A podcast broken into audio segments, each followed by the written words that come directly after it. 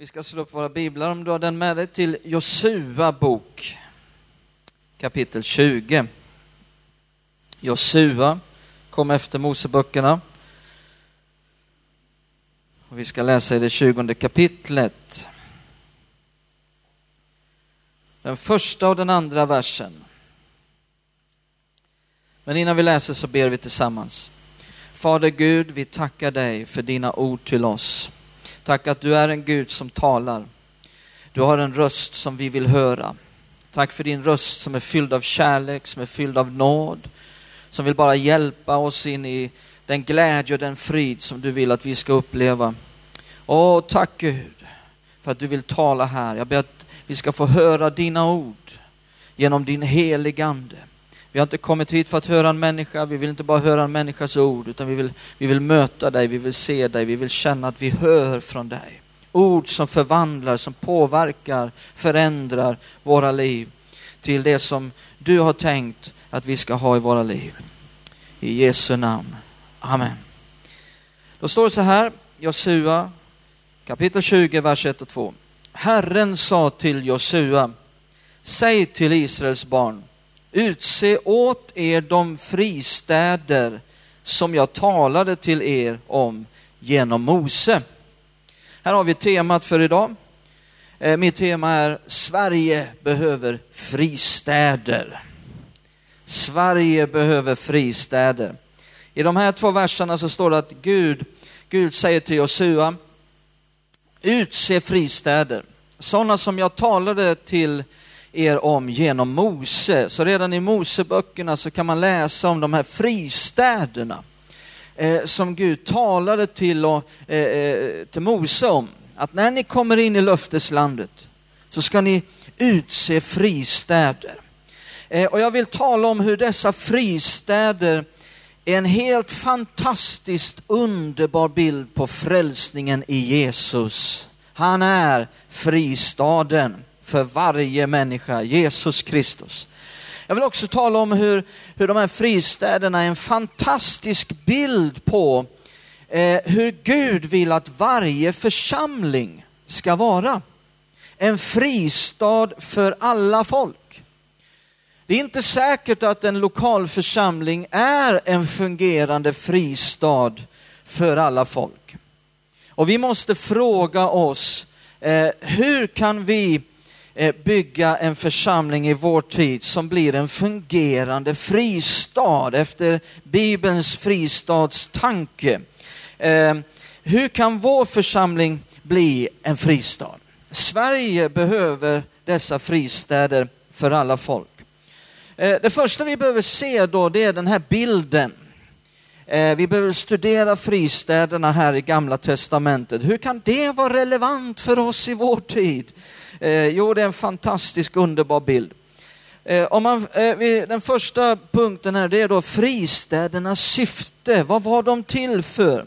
Om man då fortsätter och läser här i, i nästa vers, den tredje versen och fram till vers 6, så hittar vi syftet. Det står så här. De städer som en dråpare ska kunna fly till när han av misstag och utan avsikt har dödat någon. Ni ska ha dem som tillflyktsorter undan blodshämnaren. Och när någon flyr till en av dessa städer ska han stanna vid ingången till stadsporten och förklara sin sak för de äldste i staden. Därefter ska de låta honom komma in i deras stad och ge honom en plats där han kan bo bland dem om blodshämnaren förföljer honom ska de inte överlämna dråparen i hans hand eftersom han utan avsikt har dödat sin nästa och utan att förut ha burit hat till honom. Han ska stanna kvar där i staden till dess han har stått till rätta inför menigheten och till dess överste prästen som då är i tjänst har dött. Sedan kan dråparen vända tillbaka och komma åter till sin stad och sitt hus i den stad som han har flytt ifrån. De här fristäderna var helt enkelt då en, en tillflyktsort undan blodshämnaren, står det. Eh, det står där att om man utan avsikt har dödat någon. Eh, och går man tillbaka till Moseböckerna så finner man exempel där på att ja, det kan till exempel vara att två går ut i skogen och ska hugga träd och den ene eh, eh ska hugga till och så far yxhuvudet av och träffar den andra i huvudet så han dör. Då har man dödat någon utan avsikt. Men då var det så att på den här tiden fanns det inte poliser som då kom springande, utan det som kom springande var en blodshämnare. Eh, eh någon släkting till den avlidne som nu kommer för att hämnas den döde. Eh, och så kommer blodshämnaren springande och då eh, kunde då den här som nu utan avsikt har dödat någon fly till en fristad. Och dit in fick blodsämnaren inte komma. Han skulle lägga fram sin sak för de äldste i stadsporten och sen släppas in. Eh, det här är en fantastisk bild på frälsningen i Jesus. Ehm, eh, nu kan man ju tänka så här då att ja, men det här kan ju inte stämma med att man utan avsikt har gjort eh, något fel.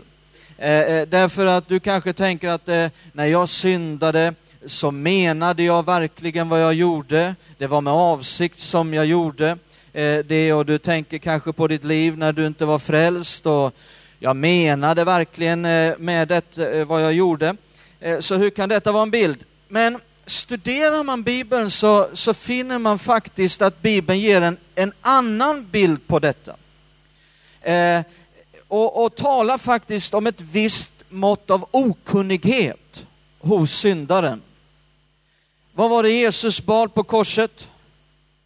Han bad Fader, förlåt dem, för de vet inte vad de gör.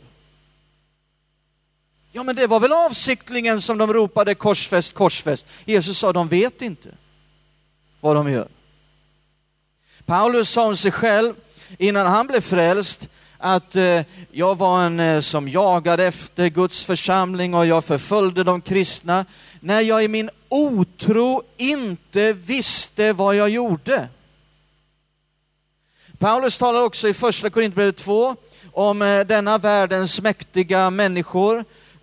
Och så står det att om de hade känt till Guds visdom så hade de aldrig korsfäst härlighetens Herre.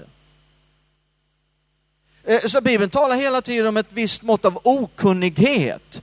Eh, där man egentligen, det vet man vad man håller på med. Eh, kan vi säga likadant som kyrka om människor utanför Fader förlåt dem, de, de vet inte vad de gör. Vet man egentligen? Hur mycket kun... Så Bibeln talar om den här okunnigheten. Blodshämnaren, vad är det en bild på då? Ja, den här blodshämnaren, han struntade fullkomligt i om, om eh, det var avsiktligen eller inte avsiktligen. Han kom springande i alla fall. Det var ovidkommande för blodshämnaren. Eh, eh, så det här blodsämnaren är helt enkelt en bild på syndens lön. Bibeln säger att syndens lön är döden. Eh, det, med andra ord, det, det är det straff som synden för med sig. Den dom som synden för med sig. Eh, när det nu handlar om, om död där syndens lön är döden så handlar det i första hand om den andliga döden. Och vad är det då? Jo, det är att vara skild från Gud andligen. Det är den andliga döden. Eh, och sen talar Bibeln också om den andra döden och det är att vara evigt skild ifrån Gud. Eh, på alla sätt, på alla vis. Eh, så det, det, är det straff som synden för med sig. Eh, att vara skild från Gud andligen. Eh, och precis som en blodshämnare så kommer den här domen över din synd att hinna ifatt dig. Den kommer att leta rätt på dig. Den kommer att jaga dig. Eh, den kommer att hitta dig, eh, komma närmare dig för varje dag som går. Men halleluja, då finns en fristad. Är du glad för det? Den fristaden heter Jesus. Du kan få fly in i honom. Du kan få fly till honom. Han är fristaden för varje människa. undan denna blodshämnare, undan syndens lön, därför att han själv har gått ut och sagt, jag tar straffet för din synd. Jag dör istället för dig. Och på korset så tog han din synd. Han tog ditt straff. Han dog istället för dig och därför finns en fristad för varje människa att fly in i. Eh, så länge du dröjer ute på fältet, så länge du tvekar att fly in i staden, eh, så är du i livsfara. Bibeln säger i Ordspråksboken kapitel 27 att eh, beröm dig inte om morgondagen för du vet inte vad den har med sig. Dröj inte ute på fältet.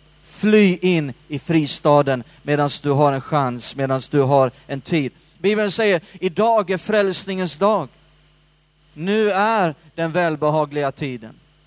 Idag finns en möjlighet. Dröj inte, fly in i fristaden. Ser ni hur den här fristaden är en sån underbar bild på Jesus? Och frälsningen i Jesus. Är du glad för det? Hur många här är glada att vara frälst idag? Underbart. Och är du inte glad för det så, så kan du bli frälst innan mötet är slut här. Så det är härligt. Eh, det finns där hela tiden. Eh, och, och, låt mig nu också ta några sanningar om dessa fristäder och se vad det har med oss att göra och församlingen. För det är också en bild på Guds församling och hur Gud vill ha sin församling. Eh, om vi tar nästa punkt så kan vi se fristädernas namn. Nu har vi sett fristädernas syfte och nu ska vi se fristädernas namn. De var sex stycken till antalet. Eh, och eh, när man studerar bara namnen på dessa fristäder så ser man eh, vilken fristad vi har i Jesus. Eh, en av dem heter Hebron. Hebron betyder gemenskap eller förbundsallians. Frälsningen i Jesus för med sig en gemenskap med Gud. Halleluja. Det är Hebron. Det för med sig ett förbund ett, ett underbart starkt blodsförbund med den levande guden. Nästa namn är är Kedesh. Kadesh som betyder helig, det vill säga avskild. För det är vad ordet helig handlar om. Det handlar om att vara skild, avskild, skild från den här världen, skild ifrån död, skild ifrån mörker, skild ifrån synd, skild till Gud, till att tillhöra honom, till att tillhöra himlen. Halleluja! Det är Kedesh. Nästa namn är Sikem, som betyder skuldra eller rygg. Vet du om att Jesus sa att hans ok är milt, hans börda är lätt. Och så, så, finns en bild här över hur det var för oxarna när de plöjde på den här tiden, att eh, eh, de gick i par. Och du kan få gå i par, du kan få gå i ok med Jesus. Och när han är med och lyfter, när han tar ditt ok, din börda i ditt liv och lägger över på sig, så känns det som att du bara följer med och han bär allt sammans. Han vill lägga din börda på sin rygg. Eh, nästa namn är Beser, som betyder borg. Martin Luther han sjöng, vår Gud är en väldig borg. Är du glad för det? Att du kan fly in i en borg dit inget ont kan komma, inget ont kan slå dig. Du är under skydd. Det handlar om Guds beskydd i frälsningen. Eh, nästa namn är Ramot, som betyder kullar höjder. Du slipper att leva i ett grodperspektiv. du kan komma upp på höjden. Eh, Bibeln säger att vi är försatta i Kristus i den himmelska världen. Högt, långt över allt som kan nämnas och namnas. Där sitter vi i Kristus på Guds högra sida. Har du läst det i Efesierbrevet 2? Snacka om höjder. Du får komma upp i ett örnperspektiv istället för grodperspektiv. Golan eh, som eh, man eh, har diskuterat om vad det egentligen betyder, men, men några kommer fram till att det faktiskt betyder glädje. Och i frälsningen så vill Gud ge glädje. En glädje som inte är beroende av omständigheter, utan hur det än ser ut runt omkring, så finns en glädje här inne som ingenting kan ta ifrån dig, som inte dör, som inte slocknar, som bara finns där hela tiden. En övernaturlig glädje i frälsningen. Eh, så namnen på fristäderna är helt underbara, visar på vad Gud vill ge genom Jesus och också genom sin församling. Eh, nästa punkt som börjar tala lite grann om eh, eh, hur vi som församling kan bli en fristadsförsamling. Vi ska läsa Josua 20 igen och så läser vi följande, vi har läst fram till vers 6 nu, men nu läser vi nästa vers, vers 7 och 8. Och då står det så här, de avskilde Kedesh i Galileen i Naftali bergsbygd, Sikem i Efraims bergsbygd och Kirjat Arba, det vill säga Hebron i Juda bergsbygd. På andra sidan Jordan, mittemot Jeriko, på östra sidan utsåg de inom Rubens stam Beser, eh, i öknen på slätten, eh, inom Gads stam Ramot i Gilead eh, och inom Manasses stam Golan i Basan. Och det är det som vi precis har sett. Och om man nu tittar på de här, det här eh, eh, var städerna låg, så ser man att de har ett strategiskt läge. Eh, det var inte så att Gud eh, skapade en fristad långt uppe i ena hörnan utav eh, löfteslandets utkant. Och det var väldigt svårt att ta sig dit. Det var inte så att Gud heller satte en fristad i mitten, utan Gud tänkte om det här ska bli bra så måste vi splittra upp det här. Vi måste ha sex stycken fristäder eh, på strategiska platser, jämnt fördelade, så att man snabbt kan ta sig dit. Märker ni Guds hjärta? Guds nåd i detta. Eh, han vill att fristäderna skulle vara där folket är. Var det inte så med Jesus också i evangelierna? Att vi märker att Jesus drog sig aldrig undan utan han, han ville vara där folket var. Alltid var han mitt ibland de behövande. Han sa det, det är de sjuka som behöver läkare. Där var han.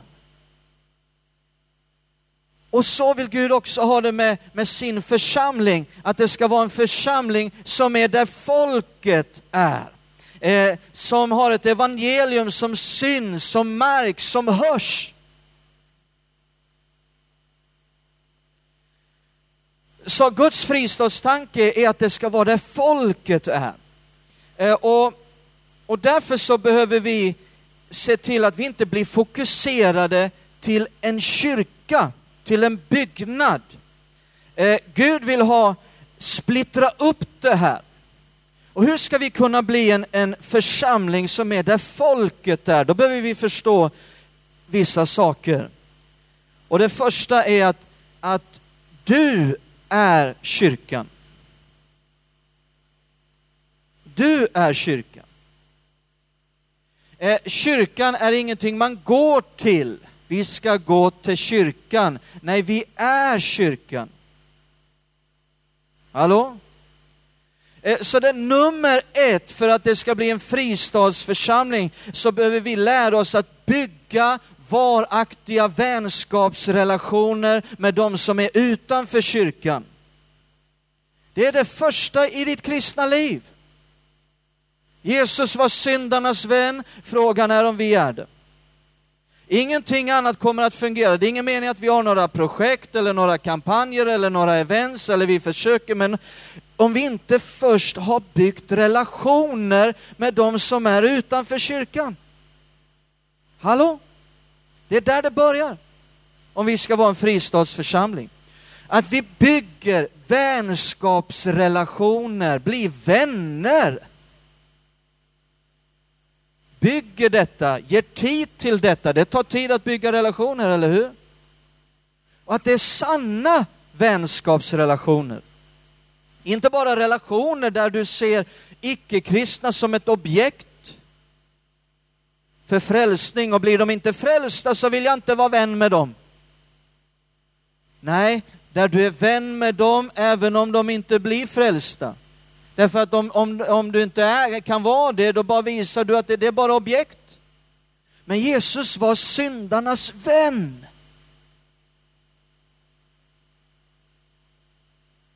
Och för att vi ska vara en fristadsförsamling och vara där människorna är, så är det detta. Många kan genast få andra bilder. Vi ska vara där människorna är, så nu ska vi gå och knacka dörr. Vi ska vara där människorna är, så vi ska skapa projekt. Jag, jag, jag är inte emot det, men det är inte där det börjar. Det börjar med att du lär känna din granne, det, det, att du blir kompis med den som du jobbar tillsammans med. Att du, du, du slappnar av och vet hur du kan föra dig bland människor utanför. Och bli vän. Visa att du bryr dig. Du vet, ingen bryr sig om vad du vet förrän de vet att du bryr dig. Det är nummer ett. Nummer två, Eh, så behöver vi ännu mer utveckla hemgruppstanken, stärka hemgruppstanken. Eh, inte bara bli fokuserade här, utan splittra upp. Och varje hemgrupp runt omkring i Skövde, runt omkring i regionen kan vara fristäder. Så vi behöver ännu mer förstå visionen om hemgrupper, eh, hemgrupper som är starka, som är andligt vitala, som är lärjungatränande, som eh, tar hand om nyfrälsta, som är härligt evangeliserande och där även du som är redan troende kan bli stärkt i ditt kristna liv. Fristäder. Hemgrupper som bara splittrar upp fristadstanken till att vi är överallt. Och vi har sagt här att vi som medlemmar, vi prioriterar söndagsgudstjänst och hemgrupper. Inte verksamhet. Verksamhet, ja men ska vi inte ha någon verksamhet? Jo då, men inte det vi börjar med. Om du har någon tid över för det, jättebra. Vi inte, äh, äh, men, men vi prioriterar söndagsgudstjänst och hemgrupp. Det är så viktigt. Äh, titta här i femte Mosebok 19, vad mer kan vi säga om, om just detta? Man ska snabbt, min punkt är, att man ska snabbt kunna ta sig till fristaden. Och det kommer vi att se här nu i femte Mosebok 19 och vers 3. Här kommer en fantastisk sanning om eh, fristäderna. Femte Mosebok 19 och vers 3 så står det Gud säger till Mose, du ska rusta upp. Kan alla säga rusta upp?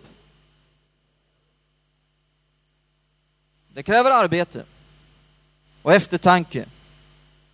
Du ska rusta upp vägarna till dessa städer och dela upp det landområde som Herren din Gud ger dig till arvedel i tre delar så att var och en som har dräpt någon kan fly dit. Rusta upp vägarna, upprustade vägar. Och studerar man övriga judiska skrifter eh, så kan man eh, hitta en hel del intressanta saker om fristäderna. Eh, att man, man drog stora breda vägar till varje fristad. Det var ingen kostig till fristaden. Någon slingrig liten kostig, svårt att komma fram. Nej, man drog upp stora breda vägar till fristäderna. Man såg till att de restaurerades en gång om året. Hela tiden var man där och såg till att det, det, det har inte hänt någonting nu. Regnperioden, har det förstört någonting? Vi måste hela tiden putsa, slipa, se till, hela tiden vara vaksamma så att det är stora, breda vägar. Eh, behövde man fly in i en fristad så skulle man inte behöva klättra över en ravin. Man skulle inte behöva simma över en massa floder eller korsa stora öknar, utan man skulle snabbt kunna ta sig till fristaden. Det var rena motorvägen för den som behövde komma in i fristaden. Det här är en sån bild eh, från Guds hjärta. Dessutom så skyltade man upp hela vägen med skyltar där det stod Miklak, Miklak, Miklak, Miklak. Vad betyder det? Tillflyktsort, tillflyktsort, tillflyktsort. Och sen var man hela tiden där och kontrollerade så att skyltarna också pekade åt rätt håll. Allt för att den som behövde fly skulle kunna göra det. Känner ni Guds hjärta? Eh, och studerar man också geografiskt dessa städer så ser man att de byggdes alltid på kullar. Högt upp. Ingen skulle behöva undra med andra ord, var finns en fristad? Alla visste det. Alla visste var det fanns. Eh, men människor i världen känner dock allt för ofta, var finns en fristad? Var, var kan jag fly med mitt problem? Finns det något hopp? Guds församling, ja det, det vet man inte ens att det existerar. Ofta. Och vet man att det existerar så känns det ofta helt orelevant. Något som man inte kan relatera till. Eh, och det är också vanligt att människor utanför känner, får jag komma dit? Får man komma på gudstjänst? Det är ofta en vanlig tanke. Varför är det så? Av flera anledningar kan det ofta vara så. I kyrkor, församlingar runt omkring. Ofta kan församlingar, jag ska ge några korta anledningar till varför det ofta blir så här. Varför det inte är en, en stor, bred motorväg snabbt in. En sak är att församlingen, församlingar ofta kännetecknas av att vara introverta istället för inkluderande av dem utanför. Introverta.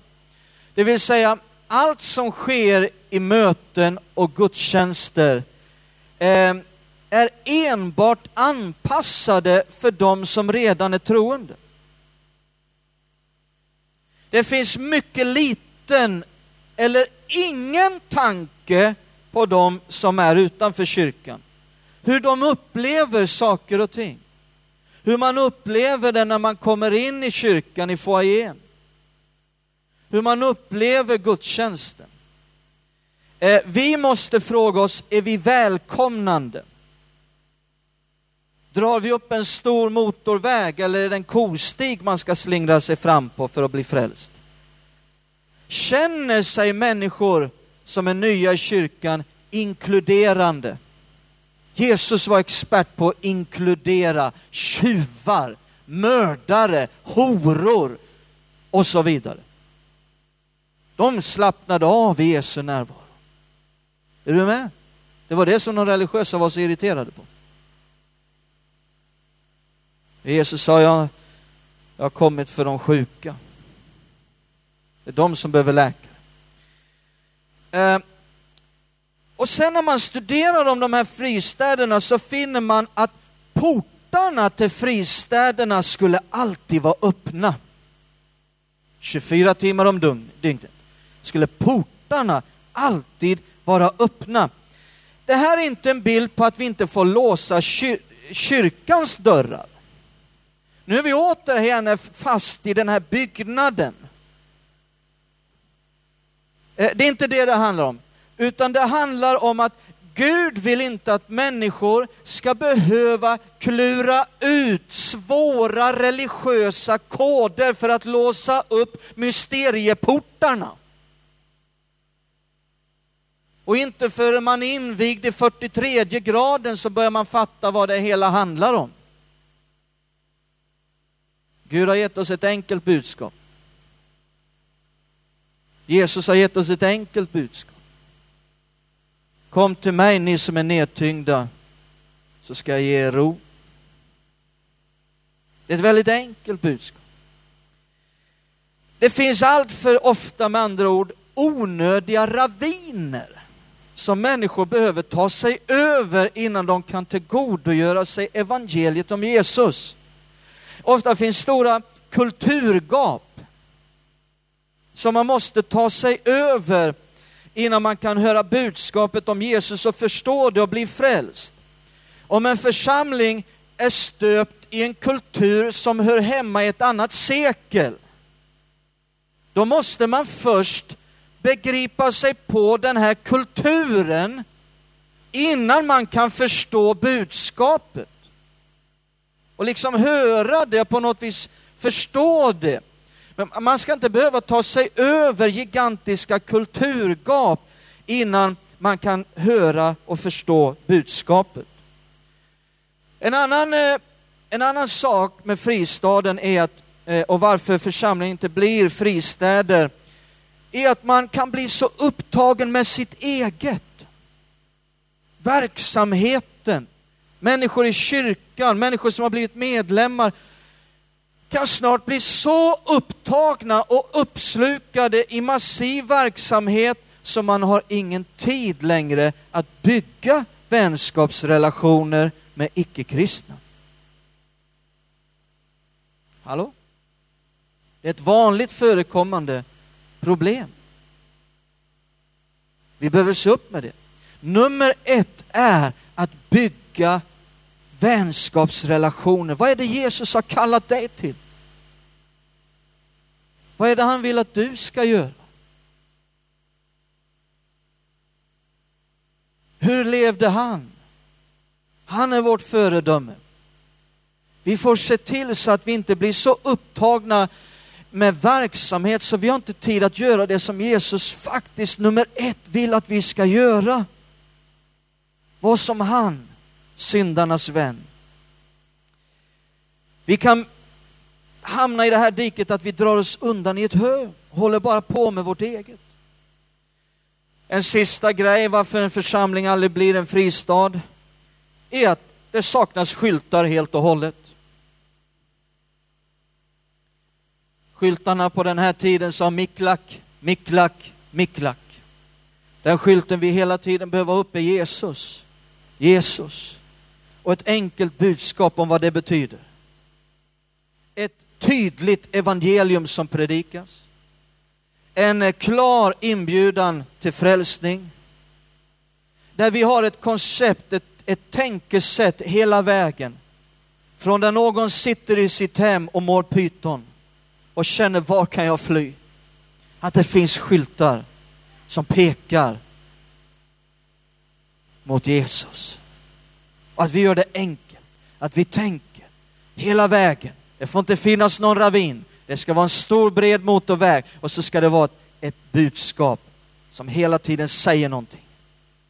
I många kyrkor så predikas inte ett tydligt evangelium utan det är ett slags budskap som är så format så att man inte ska trampa någon på tårna. Det ska vara så diplomatiskt inluddat, intetsägande, ingen begrep någonting, alla gick hem, fattade ingenting. Vad har det med mitt liv att göra? Är ni med? Det behöver vara ett tydligt evangelium. Det är så viktigt. Det måste vara i framkant, inte i bakkant. Nummer fyra, titta här, vad mer kan vi säga om fristaden? I fjärde Mosebok så kan vi läsa någonting mer. Fjärde Mosebok 35. Och så står det i vers 15. Åh, vi ska bli en fristad. Jag tror att vi redan är det, men vi ska ännu mer utveckla, ännu mer vässa, ännu mer se till att vägarna är upprustade, restaurerade och att skyltarna inte pekar fel, utan, och att man kan läsa vad som står. Och hela tiden var, det var så här de var på den här tiden. Ehm, Fjärde Mosebok 35, vers 15. Då står det så här. Israels barn och främlingen, kan alla säga främlingen? Det står Israels barn och främlingen och den inneboende bland dem, det vill säga någon från ett annat folk, skall ha dessa sex städer som tillflyktsorter dit var och en som har misstag dödat någon ska kunna fly. Alltså fristaden var inte bara till för israeliter, utan de var öppna för alla folk.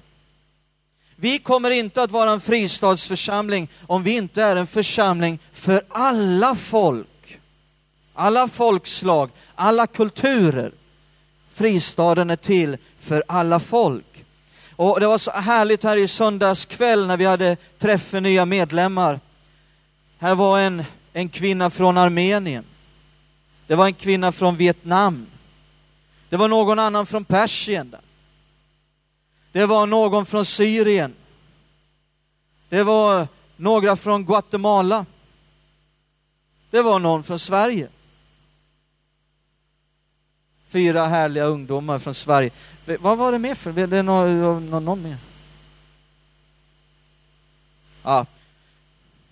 Men det var så härligt att känna att vi är en församling för alla folk. Vi kan inte vara en typisk svensk församling.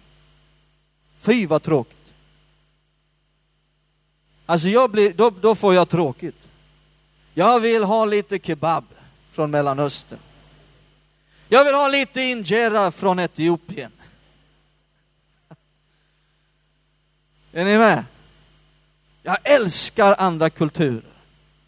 Och så är Guds rike. Och ju mer du är, har ett Guds rikes hjärta, ju mindre blir du eh, eh, liksom begränsad. En dag ska vi stå tillsammans inför Guds tron, ett enda folk från alla stammar, från alla språk, från alla folkslag, från alla kulturer. Det är lika bra vi börjar nu. Amen. Och vi är i en stad, vi är på en plats med människor från massor av kulturer. Och vi ska inte behöva ha en spansk församling, en romsk församling, en finsk församling, en latinamerikansk församling och en eh, afrikansk församling. Och vi kan ha en enda församling. Sen kan jag förstå att man behöver lite nischade möten också, där liksom nu, nu kände de som var från Latinamerika att nu vill vi ha en, nu vill vi ha ett riktigt, eh, vad ska vi dra till med Vicky så att jag säger fel nu. Ja, men i alla fall. Nu vill vi ha mycket av den latinamerikanska kulturen och en riktig latinofest. Ja, visst, man kan ha sådana nischade grejer, men i den stora församlingen, där är vi alla tillsammans. Och jag tror att vi kan bygga det med Guds andes hjälp. Eh, och sen eh, så märker jag i Apostlagärningarna att de hade mycket tanke på det här. Och någonting som var aktuellt på den tiden, för 2000 år sedan, under den första kristna tiden, det var att det var mycket judar i alla städer kring hela Medelhavet. Eh, och då fanns ett speciellt möte där de fattade vissa beslut i Apostlagärningarna 15 och, de, och då sa de att ja, de här människorna som nu blir frälsta, som inte är judar, de behöver tänka på de här och de här och de här sakerna för att inte väcka anstöt. För att inte göra det svårt för judarna att också bli frälsta. Känner ni fristadstanken där? Att inte göra det svårt. Så bara, eh, ni, ni, är liksom fria, va? Men, men, men tänk på de här sakerna. Käka inte blod, sa man då. För Då får juden problem. Även om Jesus har förklarat all mat för ren, så käka inte blod för deras skull. Det var så de resonerade. Och vi behöver också tänka lite grann på det här sättet för att kunna vara en fristad för alla folk. Eh, nu är det inte så att det är mycket judar just i Skövde och att vi behöver tänka mycket på det nu, hur judarna ska reagera. Eh, eh, det som finns mycket här i Sverige och också i Skövde är att det finns mycket muslimer. Vet du om att Jesus älskar muslimer? Jesus dog för palestinierna. Han älskar dem lika mycket. Jesus dog för araberna, Jesus dog för marockanerna. Och vad, vi behöver tänka på vissa saker så att vi inte gör det onödigt svårt. Eh, en sak kan vara att vi fyller inte scenen med Israelflaggor. Det finns församlingar som gör det. Och sen när de predikar, så, så fort med predikan kör igång, så handlar det om att vi ska fira alla judarnas högtider. Det finns församlingar som är på det sättet. Ni känner mig, ni vet att jag är en stor Israelstödjare. Jag är just nu i kontakt med Israels ambassadör.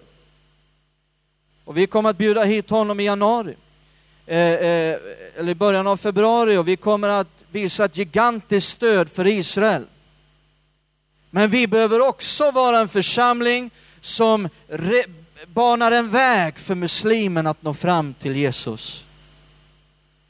Och då tänker vi på vissa saker så att vi inte i onödan skapar raviner. Är ni med? Helt i onödan gör saker som Bibeln aldrig har sagt att vi ska göra. Vi har bara fått för oss det. Och så gör vi det svårt att vara en fristad för alla folk. Vi kan vara både och. Stora Israelvänner men också skapa en stor motorväg för även muslimen att hitta frälsningen i Jesus. Eh, nästa punkt här är att inga andra städer var fristäder. Det var bara de här sex som var det. Och det handlar om att Jesus, han är den enda fristaden. Eh, Petrus han sa när han talade till fariseerna i apostlagärningarna att det finns inget annat namn under himlen gett till människor genom vilket man kan bli frälst. Jesus sa, jag är vägen, sanningen och livet. Jag är vägen. Jag är sanningen. Jag är livet. Ingen kommer till Fadern utom genom mig. Inga andra städer var fristäder. Och bara Jesus är fristaden. Titta här i Hebreerbrevet 6 och vers 18. Hebreerbrevet 6 och 18.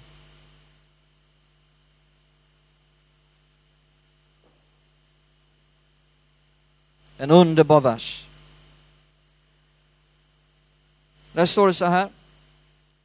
Så skulle vi genom två orubbliga uttalanden i vilka Gud omöjligt kan ljuga få en kraftig uppmuntran.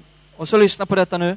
Vi som har sökt vår tillflykt i att hålla fast vid det hopp vi äger. Här står det talas om att vi som har sökt vår tillflykt, en tillflykt. Eh, den engelska översättningen, NIV, säger vi som har flytt. Det var det man gjorde till fristaden, man flydde till fristaden. Vi som har flytt för att hålla fast vid hoppet. Levande Bibeln säger så här, därför kan alla som flyr till honom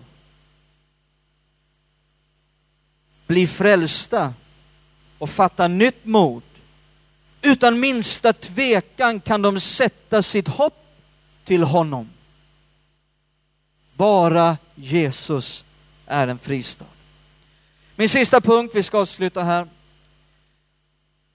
Och där står det att man skulle inte lämna fristaden. Vi läste det att man skulle bo kvar där, läste vi. Tills översteprästen hade dött. Och det kanske var 30 år i framtiden. Man skulle, bo, man skulle vara kvar där. Man skulle bo där. Man kom dit för att leva där i fristaden. Jesus sa, om ni förblir i mig så är ni i sanning mina lärjungar. Jesus talade om sig själv som vinträdet och vi som grenarna. Och så talade han om hur viktigt det är för grenen att vara fast förankrad i trädet eh, för att det ska bära frukt. Han sa att om en, gren bryts av och hamnar för sig själv så tappar den livet, den torkar, den dör och den duger bara till att brännas upp.